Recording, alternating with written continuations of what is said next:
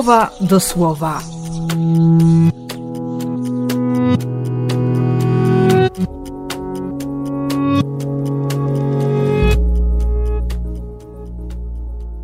Trzeci lutego, sobota.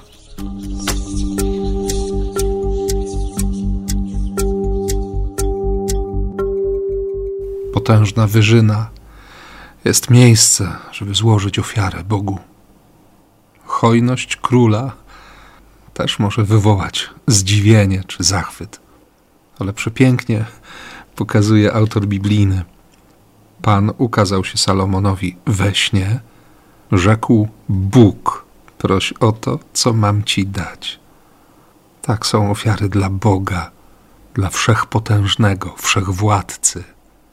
Ale chodzi o zbudowanie relacji.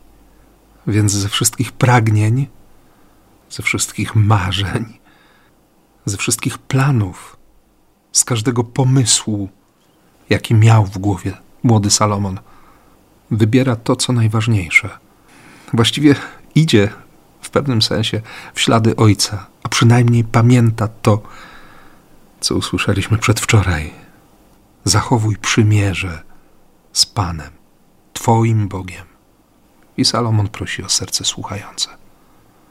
Bo usłyszeć Boga, przyjąć słowo Boga, będzie się realnie przekładało na to, że Salomon będzie słyszał ludzi, będzie wiedział, na jakie słowa zwrócić większą uwagę, które słowa dopuścić do siebie.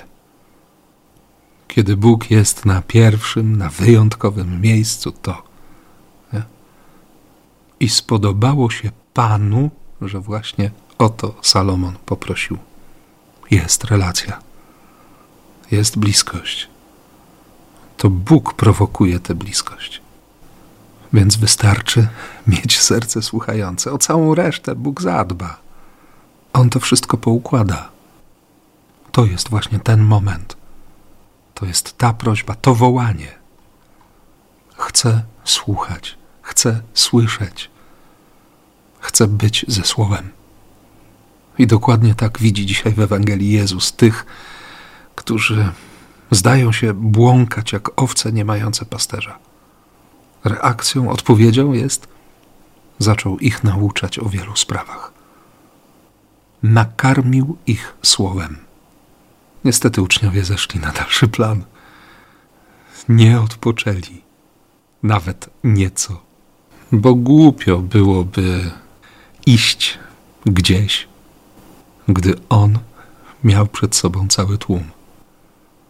A ta zwyczajna, ludzka bieda naprawdę porusza serce Boga. Domaga się reakcji. I Jezus nie pozostawi tej biedy bez odpowiedzi, która jest zaopiekowaniem, bardzo realną, konkretną, namacalną troską. Bo Chrystus przychodzi, aby owce miały życie i miały je w obfitości. Życzę Ci tej obfitości i błogosławię, jak tylko potrafię. W imię Ojca i Syna i Ducha Świętego. Amen.